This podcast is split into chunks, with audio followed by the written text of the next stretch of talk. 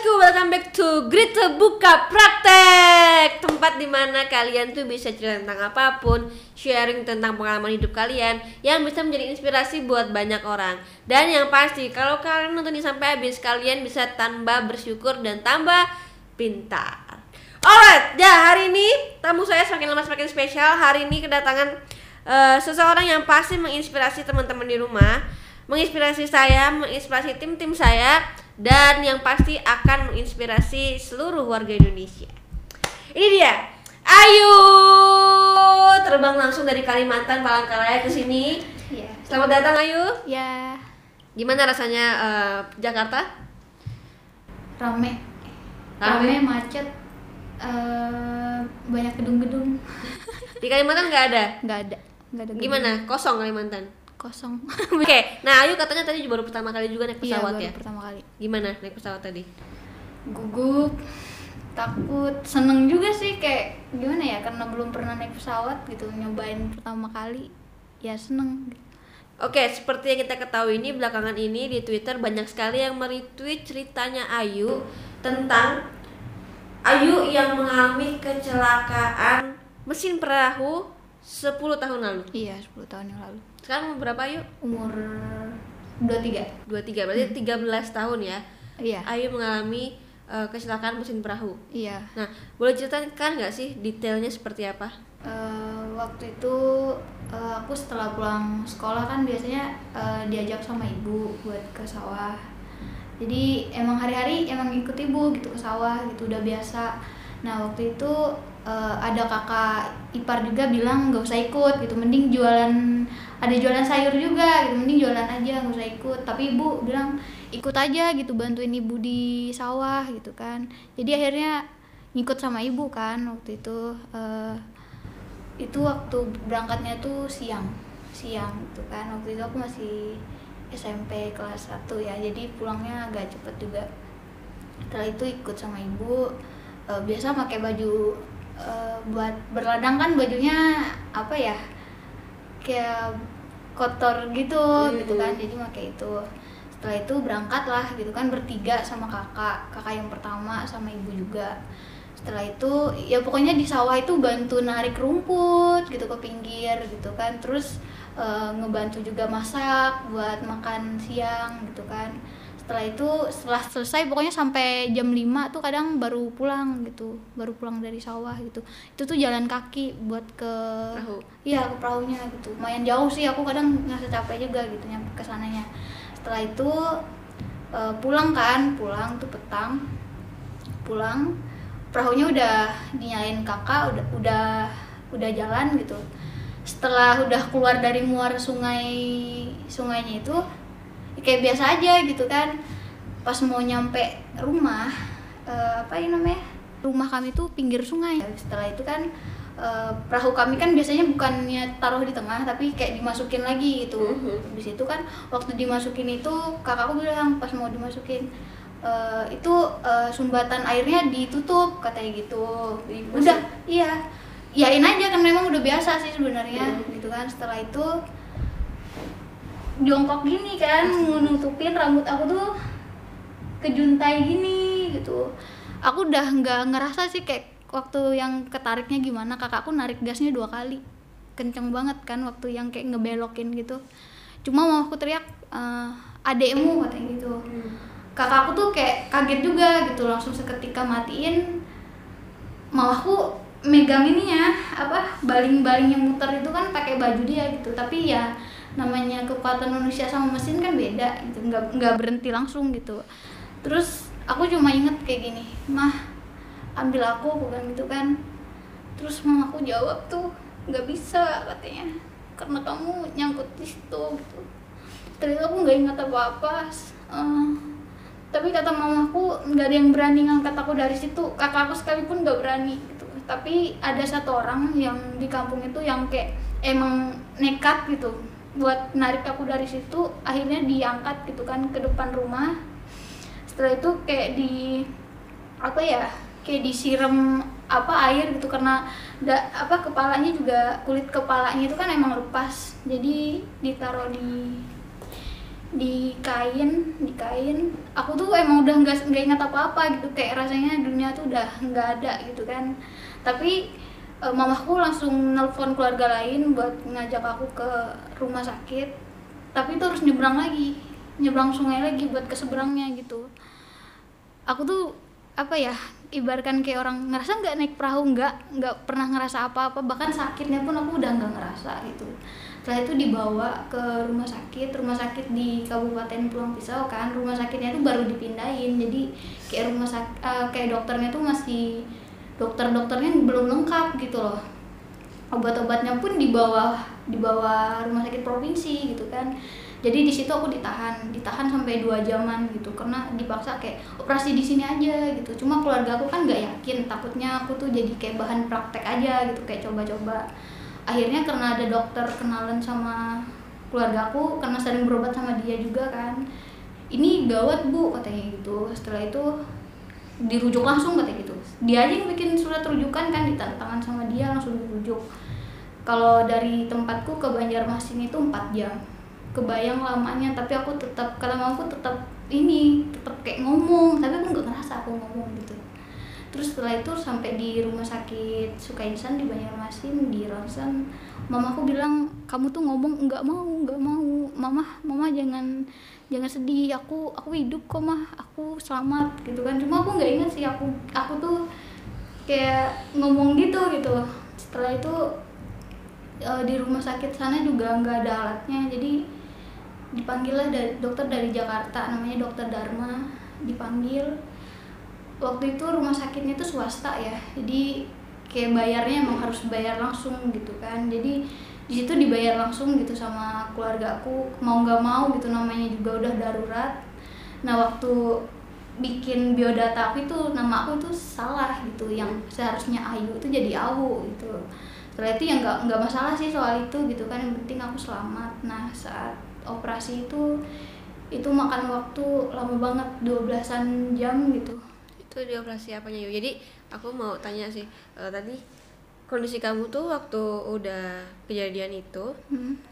uh, itu berarti berdarah semuanya iya berdarah semua jadi kamu itu uh, rambutnya kelilit mesin iya. perahu iya. terus itu ke bawah gitu iya akhirnya kena semua maksudnya iya, kena jadi baling-balingnya itu kena iya kena kepala kamu iya. bikin kamu tuh kulit kepalanya lepas lepas semua, semua. Iya, lepas. tapi itu sama sekali nggak kena uh, organ-organ di otak uh, kata dokter tengkorakku ada bagian retak di tengah sini sama di sini di belakang. Nggak sampai sobek gitu sih otaknya. Cuma uh, tengkorak aku retak.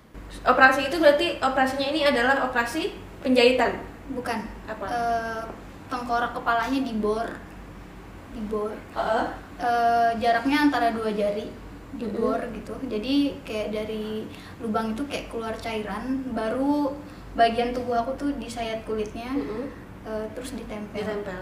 Tapi itu enggak yang kayak semuanya ditempel langsung yeah. enggak enggak itu pertahap gitu pertahap uh, ditempelin setelah itu uh, aku siuman sih gitu kan. Cuma apa ya ngerasa waktu itu aku udah udah ngerti yang kayak ngerasa sakit. Mm. terus diperban sampai mata kan aku nggak bisa ngelihat apa-apa gelap aja gitu sampai nangis gitu. Mah aku mau ngeliat aku mau ngeliat gitu. Cuma ngenalin orang tuh dari suara aja gitu siapa yang datang gitu. Cuma apa ya yang paling deket tuh emang mama sih gitu.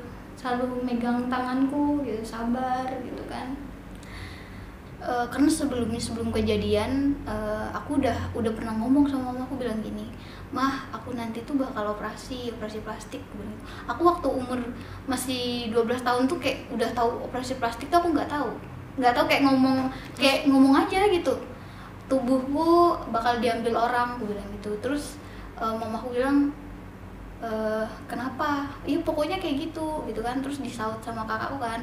Itu omongan orang bodoh katanya gitu kan. Hmm. dari mana dananya uangnya katanya gitu. Itu kan nggak kecil gitu hmm. gitu kan.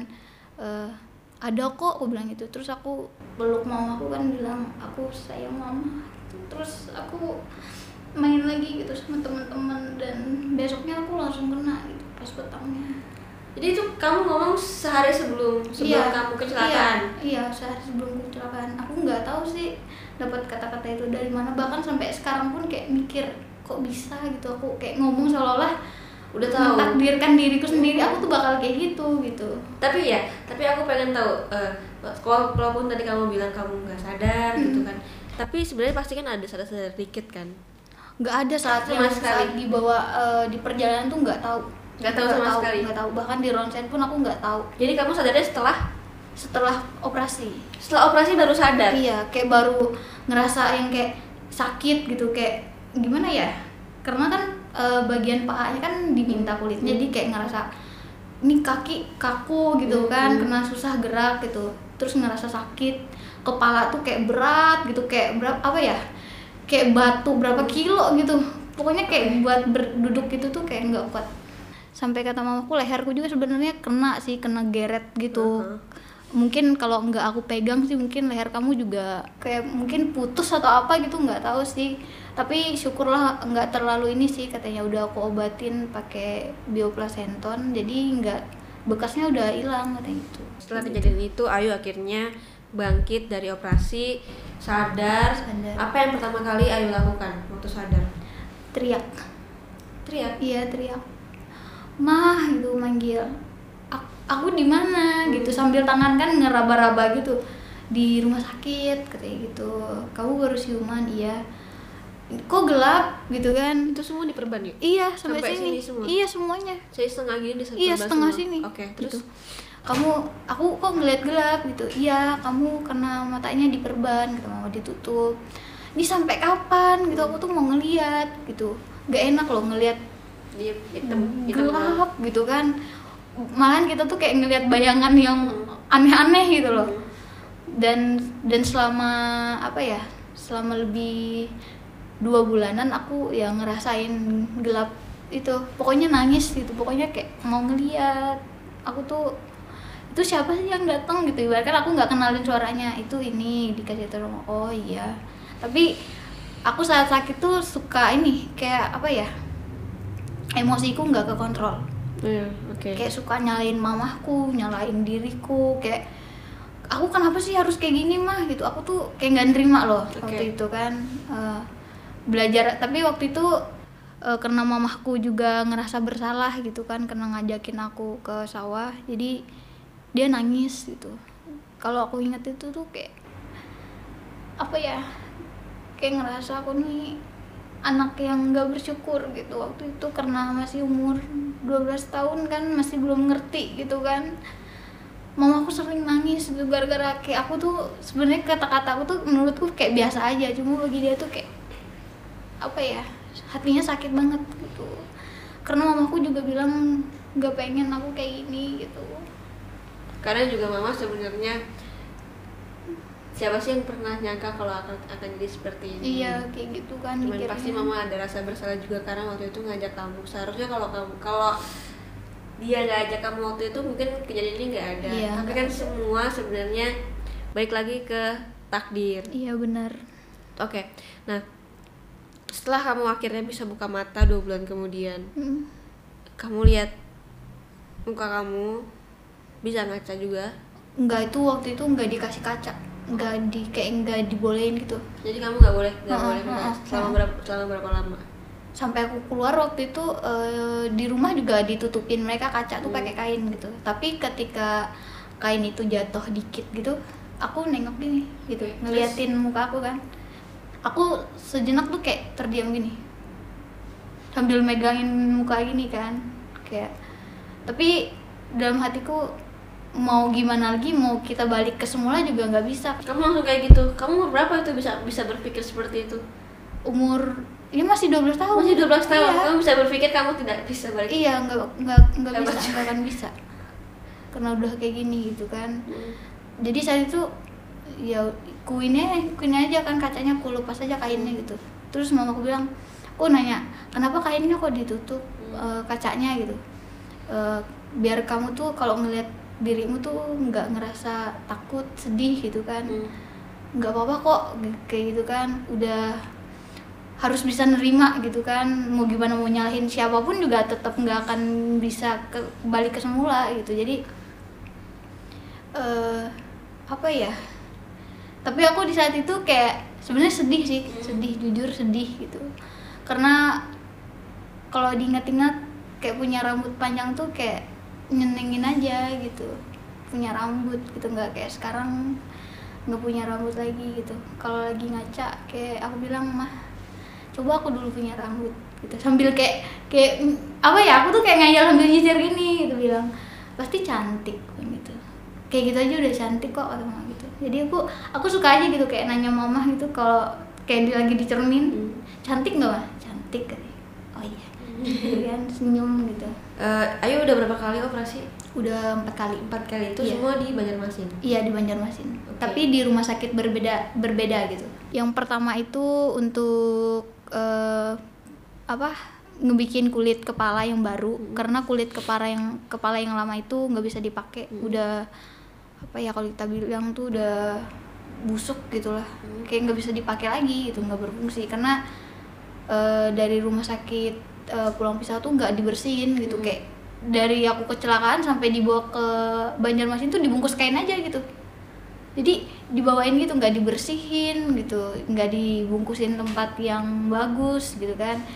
Jadi dokter aja kayak menyayangkan gitu kan kenapa nggak nggak mereka tuh nggak ngelakuin hal itu bu gitu. Padahal masih bisa dipasang lagi. Cuma karena itu nggak bisa dipakai jadi terpaksalah dari operasi pertama itu diambil kulit paha. Nah, setelah operasi pertama itu didiagnosanya apa yuk sama dokter? Eh, dokter bilang eh, ini tergantung ibu sama anak ibu juga gitu. Eh, kami dari dokter tuh ngebantu sebisa mungkin ya gitu kan nolong gitu. Tapi kalau buat kayak kepala aku aku masih ingat apa enggak gitu kan itu tergantung dari anak ibu juga gitu. Terus kayak buat mata juga dibilang mata kiri emang cedera ya. Hmm. karena itu cuma kayak cuma sisa biji mata aja loh gitu. Karena kulitnya lepas kan. Tengkorak aja gitu sisanya kan gitu. Jadi em, belum jamin kayak bisa ngelihat kayak seperti awal gitu. Dan sekarang juga mata kiri tuh emang kabur. Kabur Sekarang banget. nggak ngelihat Nggak ya? nggak ngelihat. Kalau ibaratkan tutup gini cuma ngelihat kalau ada lampu cuma lampu aja gitu kayak cahaya doang. Oh, iya. Tapi kalau mata kanan aman semua. kanan nggak nggak aman sih kemarin ada check up itu mata kanan itu ada penyumbatan makanya apa ya kotoran matanya juga masih nggak bisa apa nggak Kayak bisa keluar sendiri. iya nggak bisa keluar sendiri kemarin dipencetin sama ini ada penyumbatan gitu dan mata aku itu ada apa ya kayak eh, karena ngaruh dari ini Oh. karena kan mata kita ini kan Satu. satu, jalur kan gitu jadi dari mata ini tuh ngaruh ke sini gitu. Jadi aku kadang ngelihat kalau ngelihat cahaya yang ini silau Hmm. kayak kadang ngelihat tuh gelap gelap aja gitu. Kalau tiba-tiba kayak lampu mobil nyorot Hmm. aku tuh ngeliat gelap aja tuh. Nggak kayak nggak ngeliat apa-apa lagi gitu. Tapi kalau menjem lagi gitu coba buka lagi baru kayak terang-terang-terang gitu. Terus kalau malam ngeliat lampu tuh ada pelangi. Hmm.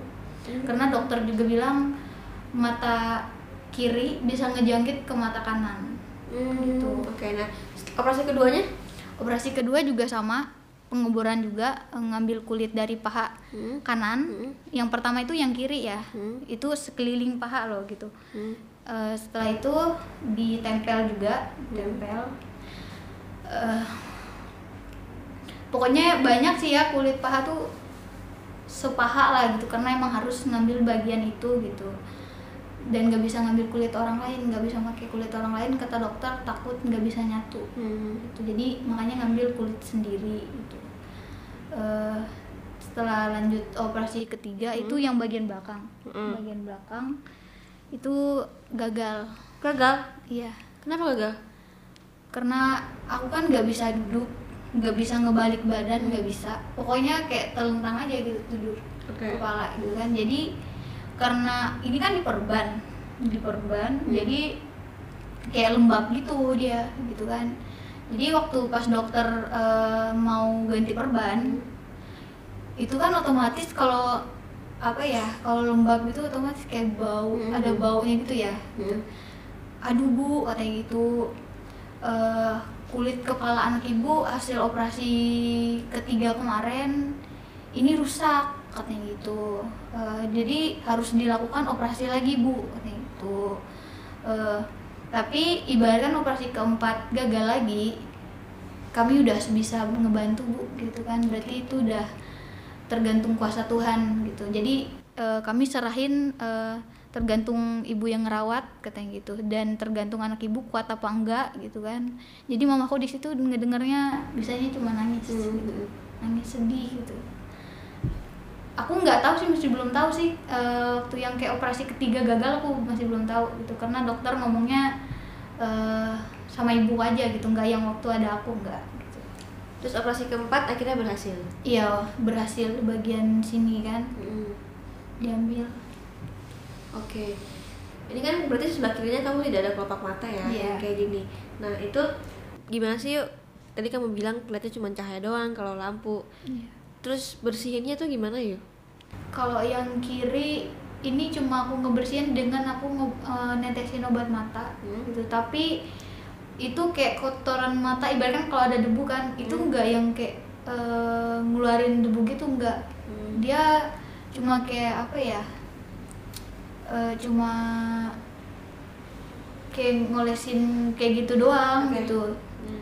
jadi bukan kayak ibaratkan eh, ngebersihin langsung kayak keluar gitu kotorannya enggak Hmm. malahan malahan kayak ketumpuk gitu sih Hmm. makanya bisa keluar dari sini kan di sini Oh, kotoran di ada iya, dia lubang bukan, kecil. iya dia bu- bukan seharusnya keluar dari Mata, sini aha. sama sini kan Aha. aku juga baru tahu waktu di sini tuh bengkak Hmm. kayak benjol, benjol gitu kan Hmm.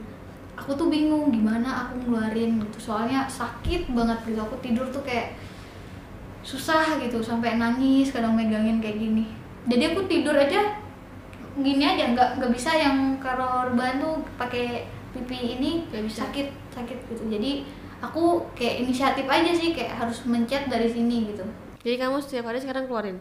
nggak tiap hari sih kadang bisa tiga hari Tiga sekali sekali. empat hari gitu kan Kamu berarti sehari-hari prefer pakai kacamata? Eh, Enggak. enggak juga. Enggak. Nah itu kalau kena debu, piye? ya udah Dikeluarin lagi.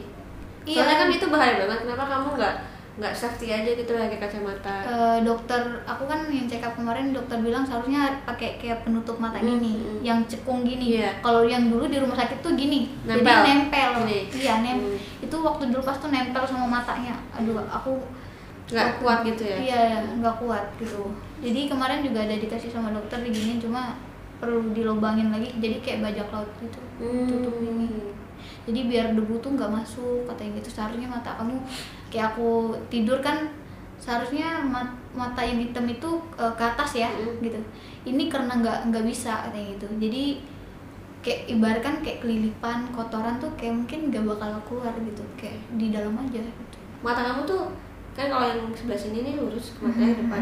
Nah kalau yang sebelah kiri itu berarti miring ke atas. iya Itu dikarenakan Eh, waktu operasi itu emang kulitnya dibikin miring. iya miring Oh.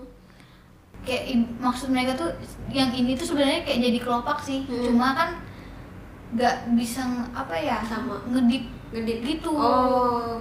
gitu Jadi kamu kalau ngedip tuh harus gimana? dipencet gini Jadi kalau udah mulai berair dikit, beras berair, kamu pencet Iya, gitu. iya kadang juga kan kayak aku cuma taunya yang gini kan yang Hmm. berair kadang langsung netes gitu Hmm. aku cuma ngelap langsung Hmm. gitu aja gitu Oke. Jadi kalau yang apa tulang yang miring itu kegeser tulangnya kegeser iya gara-gara perahunya, iya. gara-gara mesin. sampai sini berasa kok coba rasain coba kayak ini Oh iya. Coba. enggak Oh iya beda. Bisa nggak kamu kembali normal? Semuanya. Nggak bisa deh Yakin? iya Operasi plastik pun? mungkin kalau operasi plastik juga nggak bisa kayak semula sih Ya semula sih enggak, cuman Iya. at least eh, ininya ketutup semua, terus matanya diperbaiki. Hmm, mungkin kayak orang ibaratkan kalau bikin kelopak mata juga nggak mungkin kayak mata normal gitu mungkin pasti ada perbedaannya lah gitu namanya juga bikinan manusia ya Betul. gitu tapi eh, aku sih kalau mau ditanya kamu mau nggak eh, ibaratkan kayak operasi plastik kayak normal? Aku sih apa sih lebih menikmati hidupku yang sekarang karena hidup tuh cuma sementara. Karena aku juga mikir sekarang tuh eh, bukan soal fisik tapi soal pribadi hati kita kayak gimana gitu. Walaupun orang kadang kayak ingin nilai secara fisik ya gitu tapi aku eh, nggak apa-apa sih orang mikir kayak gitu gitu kan yang penting kayak Tuhan bakal kasih lihat kok kalau emang kita orang baik itu nggak nggak nggak dinilai dari segimana rupa kita segimana materi kita banyak apa enggak itu enggak Oke. Eh, dengan fisik kamu yang sekarang sudah setelah, setelah 10 tahun, iya setelah 10 tahun akhirnya kamu memberanikan diri untuk bercerita, Iya. untuk keluar dari eh, zona zona. iya zona nyamanku Emang udah zaman itu nyaman tuh kayak gitu? Eh, kayak aku maksudnya zona, zona nyaman tuh aku kayak lebih suka menyendiri nggak berani kayak ibaratkan bertemu orang pun aku kayak mikir ini orang terima aku apa enggak gitu Hmm. ini orang bakal eh, kayak ngehujat aku enggak gitu kan kayak banyak sih pertanyaan yang aku paling takutin tuh gitu bahkan kayak dari SMP itu nggak ada yang mau berteman gitu kayak yuk muka kamu kenapa kok kayak gitu? Kok muka kamu jelek gitu? Bahkan yang bikin aku apa ya sebenarnya aku suka sih anak-anak gitu. Cuma waktu aku pertama kali keluar dari rumah sakit ketemu anak-anak kecil dia bilang gini mah lihat monster kata gitu. Sedih aja gitu. Aku tuh kayak pengen gitu kan jadi orang normal juga. Tapi kayak kenapa aku harus ngedenger kata-kata yang kayak gitu? Gitu. Bahkan SMA pun pernah dibully gitu. Makanya aku waktu foto SMP tuh kayak pakai kerudung tuh kayak mereng gitu. Karena gimana ya orang tuh kalau ngeliat aku tuh kayak jijik gitulah gitu kan. Ya sedih sih gitu. Makanya kayak sampai sekarang tuh kayak trauma gitu kayak berkerumunan sama orang banyak tuh kayak mikir harus mikir beribu-ribu kali gitu. Itu orang bakal terima aku nggak? Itu orang eh, bakal ngecewain aku nggak? Hati aku gitu dengan kata-kata mereka atau sikap mereka gitu. Apa ya? Selama 10 tahun tuh kalau ditanya lebih banyak ngerasain dukanya. Oke, terus setelah 10 tahun akhirnya Ayu berani bercerita di media sosial. Dan pastinya banyak positifnya aku yakin banget. Iya. Banyak positifnya. Kenapa sih akhirnya Ayu memberanikan diri untuk speak up untuk untuk bercerita? Karena waktu itu kan mikirnya eh, nggak ada mikir kayak ibaratkan kalau main TikTok seluruh orang bakal lihat nggak mikir. Karena mungkin aku mikirnya kayak beberapa orang aja gitu. Dan aku mikir orang nggak bakal nanya aku kenapa. Ternyata salah gitu kan. Di situ juga banyak yang eh, ngasih dukungan ada juga yang apa ngejek gitu kan kayak ih mukanya jelek. Tapi yang banyak tuh ngatain aku tuh alien sampai dibilang virus corona gitu. Kayak aduh. Kayak aja gitu kan. Sebenarnya aku aku tuh kayak dalam hati walaupun gak aku bales ya gitu aku tuh nggak pengen kayak gini gitu asal kalian tahu gitu kan. Aku juga pengen normal kayak kalian gitu. Tapi mungkin kalian gak bakal bisa ngerasain sih gitu kan gimana jadi aku gitu. Oke setelah itu kamu dapat attention dari banyak orang di TikTok dan segala macam. Iya. Menyesal atau tidak? Enggak sih karena itu udah aku pikirin karena waktu sebelum ngedownload juga aku kayak apa ya kayak ngerasa senang aja gitu kayak bisa nghibur diri gitu kan. Tapi juga nggak nyangka sih ya gitu kayak bisa eh, orang-orang tuh bisa respon baik gitu kan. Kebanyakan sih respon baik sih cuma kata-kata orang walaupun kayak ngatain yang ngata-ngatain tuh satu atau dua orang tuh sumpah tuh kayak nyakitin, Nyakitin. hati banget. Itu pasti tapi setelah melewati kecelakaan tadi katanya kamu juga eh, berhenti kuliah juga? Iya berhenti. Itu karena apa yuk? Karena temen di kampus tuh gak ada yang mau berteman sama aku. Aku tuh kayak gini ya kayak mental aku tuh dari SMP sampai SMA tuh udah down banget gitu. Karena waktu itu aku mikir "E, kamu kuliah gak kata mama iya gitu karena mikirnya pengen nyenengin orang tua gitu kan. Siapa tahu kayak aku bisa dapat kerja yang layak gitu yang bagus.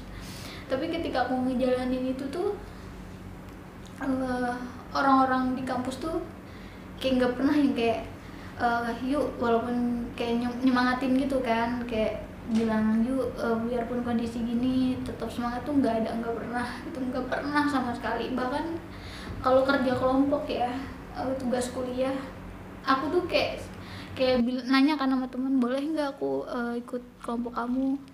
Nggak nggak bisa yuk udah penuh kayak gitu. Jadi aku kadang kayak kayak diem aja gitu. Jadi nunggu nunggu dosen nanya "E, siapa di sini yang belum ada kelompok? Jadi aku selalu angkat tangan. Pokoknya aku selalu angkat tangan ketika dosen nanya kenapa belum ada kelompok? Soalnya belum ada yang mau gitu. Jadi dosen aja gitu yang kayak kamu masuk kelompok ini aja. Iya gitu dan saat eh, tugas kelompok pun banyak orang tuh kayak eh, nggak usah ada deh kayak minta saran dari Ayu kita ngerjain aja gitu. Oke. Sedih banget. Oke nah selama 10 tahun apa yang menjadi kekuatan Ayu untuk tetap bertahan untuk tetap hidup walaupun dengan kondisi yang sekarang kayak gini banyak hujatan juga tapi Ayu tetap bangkit apa Ayu yang pasti temen sosok ibu. Karena ibu dari aku pastinya dari kecil ngerawat aku dan saat aku sakit ibu tuh selalu ada. Bahkan sampai empat hari empat malam dia nggak tidur berdiri terus jagain aku sampai kakinya bengkak. Nggak mau bikin mama sedih. Makanya kadang kalau sekarang aku sakit aku nggak bilang selama aku masih bisa nahan sakit itu. Kalau kalau aku udah nggak kuat nahan sakitnya baru ngomong sama mama ma aku sakit gitu. Karena mama tuh yang paling khawatir aku nggak mau kayak bikin dia tuh nggak bisa tidur apalagi kalau denger dia sakit aku nggak kuat itu banyak berkorbannya buat aku gitu. Karena pengen aku selamat gitu pengen aku ada di dunia ini. Dia bilang kalaupun bisa aku ganti nyawa aku aku ganti buat nyelamatin kamu.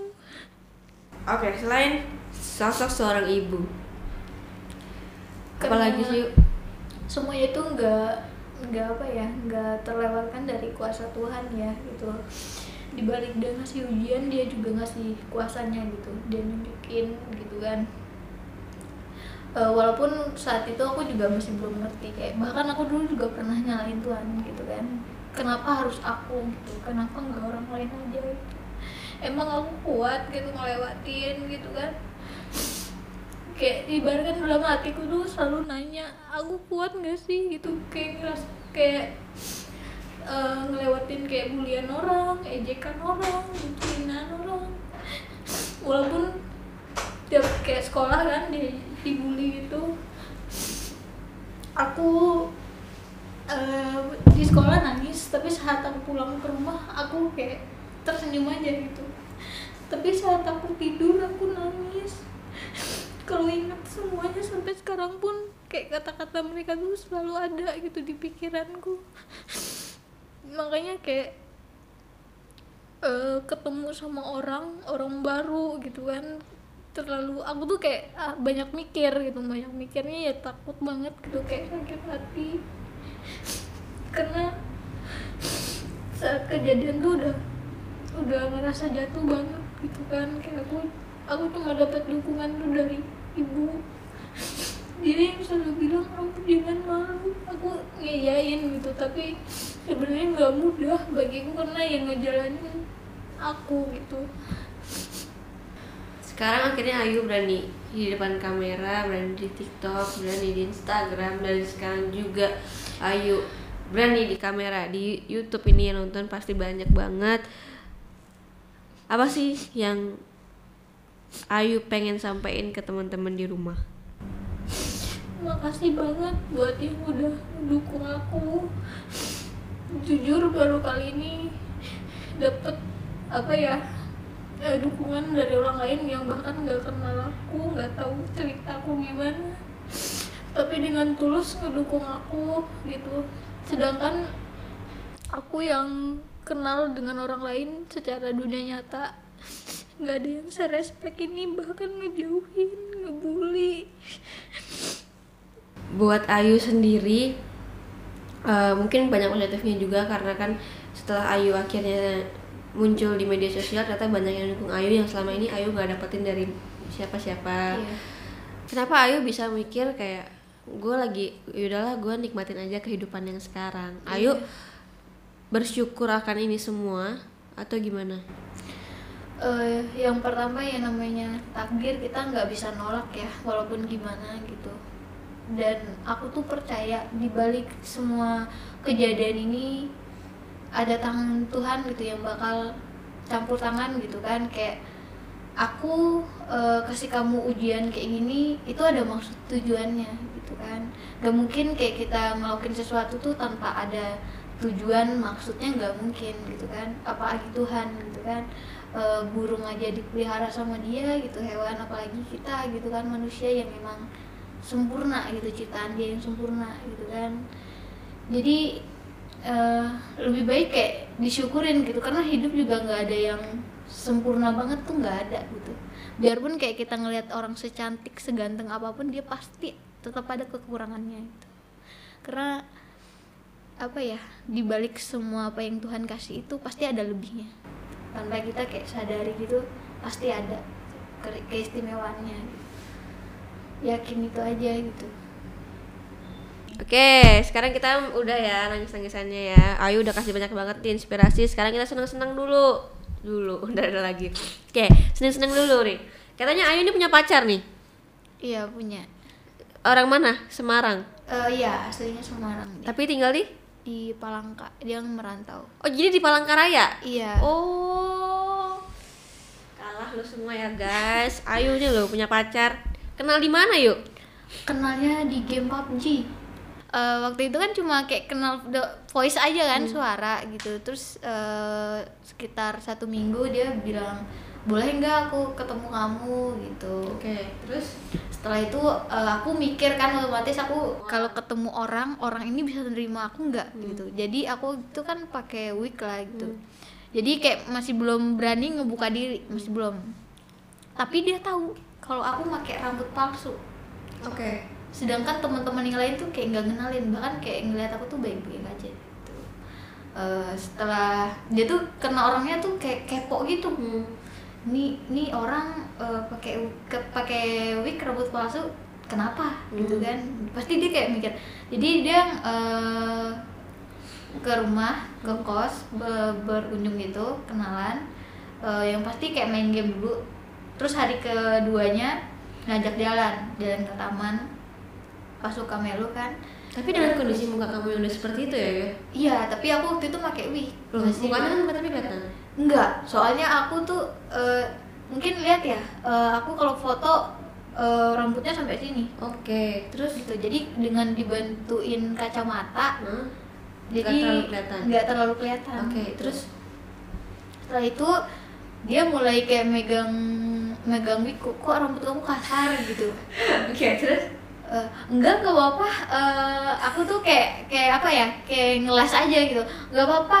Eh, mungkin kurang pakai sampo Terus, gitu kan. Tapi dia kayak masih ini apa namanya eh, dia tuh kayak pengen taunya tuh eh, Kepo banget. kepo banget gitu. Masa dia dia ngomong dalam hati tuh kayak masa sih? gitu kan. Terus dia besok lagi ngajak lagi jalan di situ dia eh, nanya kayak kalau kamu ada ada sesuatu yang aku nggak tahu cerita aja katanya gitu. Eh, aku tuh mikir mikir gitu kayak dalam hati kalau aku cerita dia tetap mau nggak berteman sama aku? Dia tetap mau nggak kayak ibaratkan kalau aku ngajak dia ngegame dia masih mau nggak? Kayak apa ya kayak banyak pertanyaan banget gitu dalam pikiran gitu. Eh, yang emang aku paling takutin gitu Iya. karena ketika aku ngebuka diriku orang semuanya ngejauh. Mm-mm. ya sedih gitu pastinya aku sedih gitu. Karena aku tuh pengen juga gitu punya teman gitu punya teman ngobrol teman jalan gitu. Karena hidupku tuh kayak apa ya? Kosong. iya kosong gitu kayak sendiri aja gitu kan. Eh, kalaupun cerita sama orang lain orang lain nggak akan ngerti gitu. Oke, terus kemudian setelah itu eh, kapan dia akhirnya mengetahui Ayu? setelah satu minggu Hmm? eh, itu ngajak ke taman lagi. Coba deh kamu cerita kayak gitu. Dia kan nanya juga bagian tanganku kenapa? Ini kenapa tangannya? ini diambil Oh diambil juga Iya, kulitnya. diambil. Oh, Oke. ini sama uratnya. Ah, terus? Eh, dia nanya ini tangannya kenapa? Eh, luka bakar ya? Eh, iya luka bakar aku bilang gitu. Aku tuh kayak pengen dia biar nggak nanya lagi gitu tapi dia tuh nggak yakin masa luka bakar kok gitu kayak disayat gitu Hmm. gitu kan. Setelah itu diem. Eh, tapi dia tuh kayak masih mau nanya lagi gitu. Setelah akhir itu aku dia bilang coba kamu cerita. Aku tuh bakal dengerin eh, apa yang kamu ceritain. Aku nggak akan kayak mungkin kamu mikir eh, bakal bakal ngejauh bakal apa enggak katanya gitu. Aku tuh selalu narik napas ketika ketika ngejawab dia nanya kayak berat gitu. Bagi aku karena aku juga udah ngelewatin banyak banget sedihnya gitu kan. Terus aku bilang gini mending kamu nanya sama kakakku aja gitu. Otomatis aku nggak bakal nangis kalau cerita nggak bakal kayak ngerasa kalau nginget-nginget tuh kayak apa ya terpukul banget gitu kan. Setelah itu nggak apa-apa aku mau dengernya dari kamu langsung gitu. Ah oke gitu kan. Aku cerita dari dari awal aku ke- eh, kecelakaan sampai aku eh, bisa kayak sekarang gitu kan. Dia shock nggak? dia kayak aku nggak tahu sih dia secara pribadi kayak gimana. Cuma dia bilang nggak apa-apa aku juga punya masa lalu. Kayak gitu. Walaupun nggak se Heboh kamu. seheboh aku gitu kan. Setelah pulang setelah cerita aku pulang. Eh, aku eh, eh, WA dia kawan WhatsApp dia Eh, ini aku udah cerita eh, aku kayak gimana. Kamu terima aku mau berteman ah, sama aku atau enggak itu pilihan kamu. Aku nggak bisa maksa orang kamu harus berteman sama aku. Eh, kamu nggak boleh ngejauh gitu. Nggak bisa aku bilang gitu. Karena kamu punya hak gitu. Buat kamu milih masih mau berteman sama aku apa enggak gitu. Tapi dia bilang enggak aku bakal terima kamu apa adanya gitu kan Runtuh hati. tapi aku nggak nggak seyakin itu juga Oke. karena aku eh, pernah ngalamin Hal hal, yang sama. iya yang sebelum sebelumnya jadi aku nggak nggak nggak nggak luluh nggak luluh dan kata-kata kayak gitu nggak Oh, udah nggak? nggak Udah kebal. udah Oke, nggak. terus terus. Eh, aku pengen aku bilang sama dia aku pengen ngelihat eh, bukti kamu gitu ketika kamu jalan sama aku di tempat umum kamu kayak malu nggak sih gitu? Kayak reaksinya mungkin ibaratkan jalan gitu kayak agak Jauh nggak sih? ngejauh gitu kan? Atau gimana gitu? Enggak katanya gitu kan. Eh, ya udah kayak ngajak jalan tuh aku lihat dia tuh emang kayak dengan bangga gitu loh. Hmm. walaupun orang kayak ngejekin kamu aku deh yang bakal ngerangkul kamu kayak gini katanya gitu kan. Nggak usah nggak usah apa nggak usah minder. Terus dia bilang gini kalaupun orang ngelihat kamu kayak ngelihat kamu tuh aneh kayak kayak plototin kamu sampai nggak kedip nggak apa-apa biarin aja. Ada aku kok di samping kamu yang selalu ngedukung katanya gitu. Jadi kayak nih orang eh, kayak gimana ya? Aku tuh eh, kayak bangga juga sama dia gitu. Dia tuh nggak mandang aku gimana. Terus dia bilang gini aku nggak mencintai fisikmu tapi jiwamu sumpah itu Runtuh hati kan. oh, jangan jangan lagi loh, jangan tuh lagi. bagus banget gitu Oke. kayak bikin semangat Udah berapa lama pacarannya? baru jalan 9 bulan sekarang Udah lama itu, bentar lagi brojol. enggak Udah 9 bulan pacaran. Iya. Tapi eh, so far baik-baik aja. iya nggak Sangat pernah- menikmati. nggak pernah bertengkar Mantap. malahan kayak apa ya bercanda dia suka bercanda aku juga suka gitu Lucu. iya lucu orangnya Ih gemes. Ini katanya Ayu juga bisa nyanyi nih.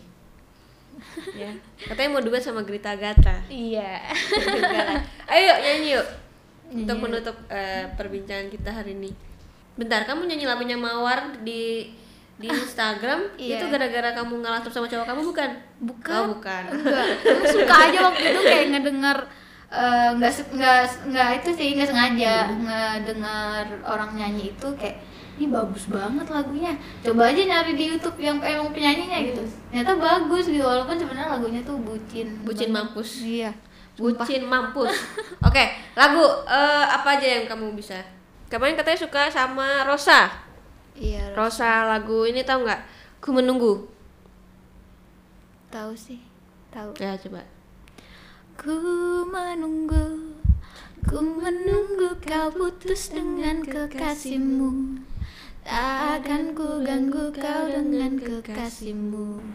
Ku kan setia di sini untuk menunggumu. Cinta itu, ku berharap kau kelak akan cintai aku. Saat kau sudah tak bersama kekasihmu. Ku lakukan semua agar kau cintaiku Haruskah aku bilang cinta Hati senang namun bimbang Dan kau sudah ada yang punya.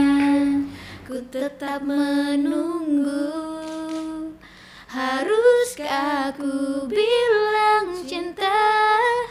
Hati senang namun bimbang Dan kau sudah ada yang Ku tetap menunggu Na na na na Na na na na na na na na na na na na na Haruskah aku bilang cinta Hati senang namun bimbang Dan kau sudah ada yang punya Ku tetap menunggu Oke guys, jadi tadi berbincang-bincang kita eh, yang penuh dengan inspirasi, penuh dengan semangat, eh, bikin kalian pastinya lebih bersyukur lagi untuk menjalani hidup. Ayu aja yang kayak gini aja bisa untuk punya pikiran untuk terus hidup, terus menginspirasi banyak orang. Ayo thank you banget udah menginspirasi sama-sama. aku, udah bikin semua orang di sini merasa bersyukur dan pastinya teman-teman di rumah juga pasti akan lebih bersyukur. Iya. Semangat terus karena aku yakin sesuatu yang besar pasti akan terjadi dalam hidup kamu. Amin Nah, semoga teman-teman semua eh, juga dapat pelajaran yang luar biasa dan juga semangat terus eh, ayo menjalani hidupnya Iya, ke depan, pastinya. terus menjadi inspirasi buat kita semua, terus eh, eh, terus ceria karena aku yakin Ayu pun tidak mau jadi seperti ini, tapi Iya. kehendak Tuhan yang Iya. seperti ini dan pastinya Tuhan punya rencana hebat buat Ayu Amin nanti Ayu bisa nyanyi punya single terus dijualnya laku ke semua banyak orang dan dan pastinya eh, bakat Ayu juga bisa menjadi berkat buat banyak orang Amin. Amin. Oke, terima kasih teman-teman udah nonton di rumah. Eh, jangan lupa kalau kalian punya cerita yang menarik untuk di-sharingkan dan mau cerita di sini, silakan kirim detail ceritanya ke sini ke buka praktek nama, domisili dan juga nomor telepon sama detail ceritanya ya, jangan setengah-setengah bos. Oke? Dan jangan lupa saksikan buka praktek Grita buka praktek setiap hari Rabu dan Jumat di sini di channelnya Grita Agatha. Dadah. Ku bilang cinta Hati senang Namun bimbang Dan kau sudah ada yang punya. Ku tetap menunggu